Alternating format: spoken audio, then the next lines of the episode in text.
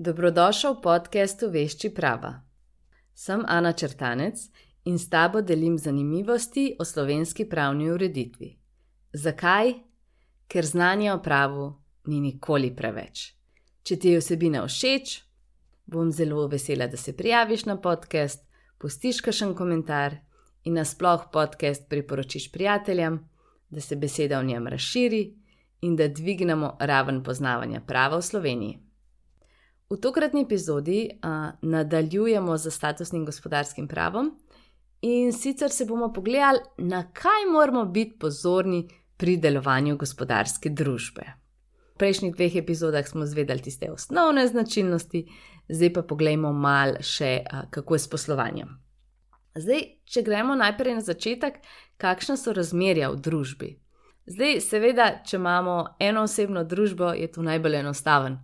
Imamo ustanovitveni akt, eh, se niti ni treba kaj z drugimi dogovarjati.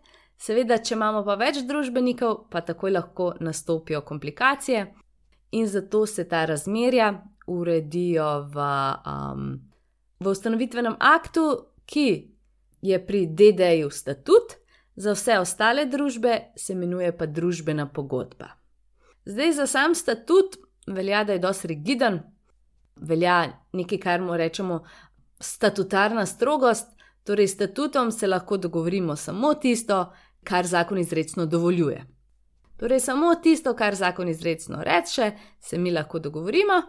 Na drugi strani, če imamo pa družbeno pogodbo, so pa razmerja baluizi in seveda se lahko dogovorimo vse, kar zakon izredno ne prepoveduje.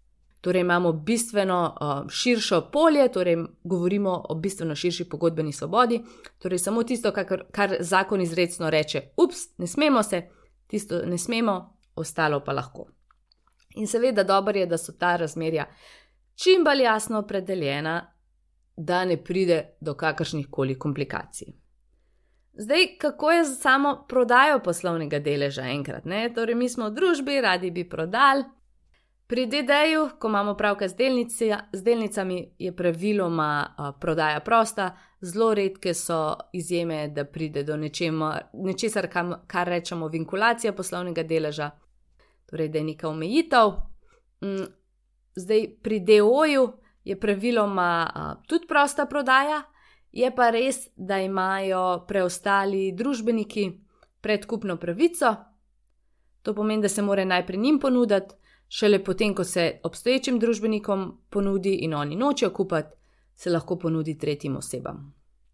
Zdaj, pri osebnih družbah je situacija malce zakomplicirana, tam je pa obvezno potrebno soglasje družbenikov, ne? torej brez tega ne gre. Zdaj, vsaka družba ima različne organe, mm, torej glede na njeno obliko. Če gremo po, po posameznih tistih sklopih, zdaj sama delniška družba ima organe, odvisnosti, v kakšno obliko upravljanja je. Torej, imamo dva oblika upravljanja delniške družbe, torej imamo enotirni sistem in dvotirni sistem upravljanja. Pri obeh tipih um, imamo skupščino, kjer so zbrani vsi delničari, seveda vsi delničari potem lahko glasujejo, izrazijo svoje mnenje. Potem, če imamo enotirni sistem, imamo samo upravni odbor, ki se potem lahko nadalje deli tudi na, torej se deli na izvršne direktorje, pa neizvršne direktorje, ampak ni pa to nujno.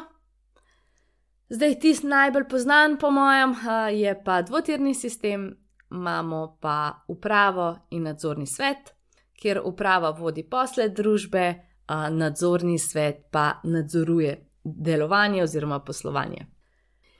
Zdaj pri DOJ-u imamo pa enako, kar pri DD-ju, najprej skupščino, potem se pa začne razlikovati. In sicer je pri DOJ-u imamo poslovodjo, vsaj enega poslovodjo, torej lahko jih je tudi več. Torej, poslovodje oziroma direktor, zakon uporablja oba izraza. Po želji, če se družba odloči, imamo pa tudi nadzorni svet.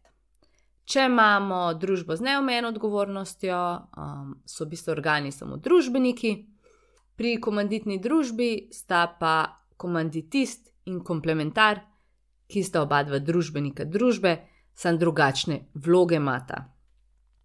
No, naslednja zelo pomembna stvar je, kdo vodi posle družbe.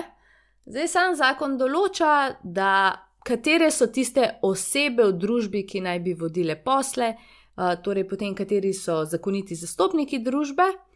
In sicer za DNO, torej družbo z neomejeno odgovornostjo, so to družbeniki, za komanditno družbo je to komplementar, za DO je to poslovodja, in za DD je odvisno glede na obliko upravljanja, ali je to uprava ali je pa to upravni odbor, lahko so pristojnosti um, tudi na izvršnih direktorjih. Poleg tega imamo pa še možno, da posle vodijo um, pooblaščenci, torej lahko neka, um, torej ta zastopnik družbe, ki ima v bistvu vsa pooblastila, da sklepa posle družbe, karkoli lahko družba naredi, lahko tudi to naredi, lahko pooblasti, torej neko osebo. Poleg tega imamo pa še neko posebno obliko pooblastila za zastopanje gospodarskih družb, ki se imenuje pa prokura. No, in zdaj, če imamo imenovanega prokurista, torej on lahko sklepa vse pravne posle družbe, omejen je razen pri, samo pri otojevanju in obremenjevanju nepremičnin, torej zakon mu daje ful široka pooblastila, torej lahko karkoli, razen odtujevanja in obremenjevanja nepremičnin zato pa potrebuje um, dovoljenje um, zakonitega zastopnika. No, če je pravni posel sklenjen s kakšno osebo, ki pa ne more, da naprimer kdo drug od teh oseb sklene pravni posel v imenu družbe, potem je pa tak pravni posel izpodbojen, torej je neveljaven, če ga potem ta oseba, ki pa lahko sklepa, odobri, potem pa je lahko veljaven. Same dejavnosti, ki jih družbe lahko opravlja, uh, je tisto, kar smo rekli, da v bistvu ona registrira ob ustanovitvi. Možno je tudi naknadno, ja, torej, če se pojavi kakšna potreba, da se doda dejavnosti, se jih seveda lahko doda, ampak obvezno opravlja nekaj, kar je v okviru njihove registrirane dejavnosti. Če Če zakon opredeljuje, da za kakšno posebno dejavnost, naprimer igre na srečo, so potrebne še kakšne druge um, pogoji, morajo seveda to izpolnjevati, mora biti izdana odločba, uh, da oni sploh lahko opravljajo tako dejavnost. Če družba sklepa izven registrirane dejavnosti, je naredila prekršek. Ampak zaradi varstva tretje osebe, torej če mi smo nič hudega sluteči, sklenemo pravni posel s tako družbo, ki to nimajo registriran, je ureditev taka, da pravni posel tako ostane v veljavi. Torej, če pa bi mi vedeli za tako ureditev, da družba tega ne sme sklepati, bi bil pa neveljaven. To je pač ureditev, je malce zakomplicirana, ampak zgolj zato, ker se varuje nas, torej tistega, ki stopa v pravni posel. Ne rabite se bati, torej, če vstopite v nek pravni posel, ne veste, da to družba nima registriran, bo tak pravni posel ostal v veljavi. Mm, in zdaj, kako je pa samim prenehanjem družbe? Družba na redni način preneha iz različnih razlogov, lahko je to potek časa, lahko so družbeniki sprejeli sklep, lahko je kakšna sodna odločba bila če so to osebne družbe, tudi z um, smrtjo družbenika. No, in v teh primerih potem se izvede likvidacija, to je redni način prenehanja družbe, ko se poplača vse dolgove in kar je ostalo, se razdeli med družbenike. Seveda, dost pogosta, žal, oblika prenehanja družbe pa tudi stečaj. To gre pa za izredni način prenehanja družbe, in bolj podrobneje o tem pa v naslednji epizodi. Lepo bodi.